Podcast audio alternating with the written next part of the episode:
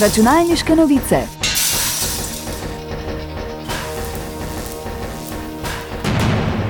Prisluhnite novostim in zanimivostim z področja računalništva.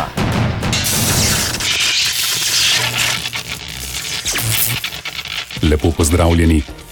Apple namerava do leta 2028 predstaviti svoj prvi samovozeči premijski električni avtomobil, ki naj bi predstavljal resno konkurenco obstoječim jeklenim koničkom.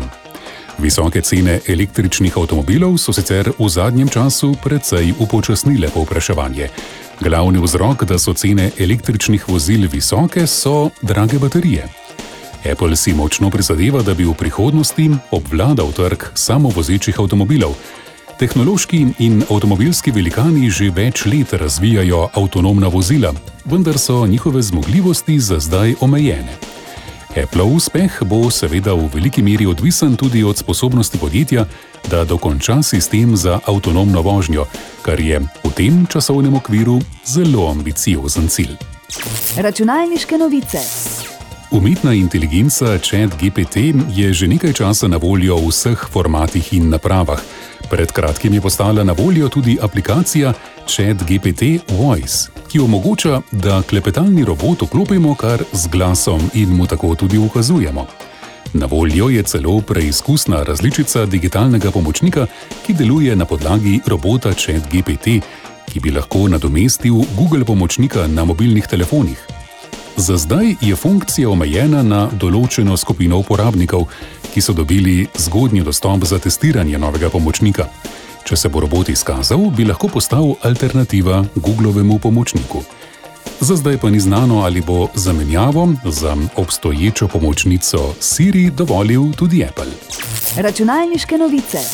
V skladu s premembami, ki jih prinaša novi akt o digitalnih trgih, bodo lahko uporabniki razdelili tudi svoj marketplace in Facebook gaming račune. Čeprav v matičnem podjetju Meta pravijo, da bodo v nekaterih primerjih zaradi tega funkcije omejene.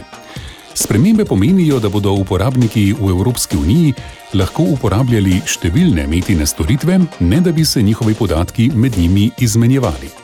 Uporabniki bodo lahko naprimer uporabljali Facebook Messenger kot samostojno storitev brez Facebook računa. Če pa so do sedaj imeli med seboj povezane račune na Facebooku in Instagramu, bodo tudi to lahko spremenili.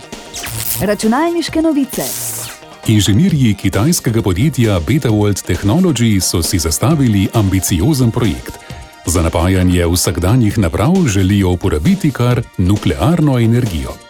Prvi rezultati so spodbudni, saj so ustvarili nuklearno baterijo s 50-letno življenjsko dobo. Podobna baterija se že uporablja v satelitih, podmornicah in tudi v medicinski opremi. Baterija kitajskega podjetja lahko zdrži tudi ekstremne temperature od minus 60 do 120 stopinj Celzija. Začetek proizvodnje naj bi bil že tekom letošnjega leta. Sprva bodo proizvajali nuklearne baterije za manjše naprave, že v naslednjem letu pa želijo povečati zmogljivost baterij, s katerimi bi lahko napajali tudi večje elektronske naprave. Računalniške novice. Hvala za vašo pozornost in lepo zdrav do naslednjič. Novosti in zanimivosti je za vas pripravilo uredništvo revije Računalniške novice. Prisluhnete nam lahko ponovno naslednji teden ob istem času.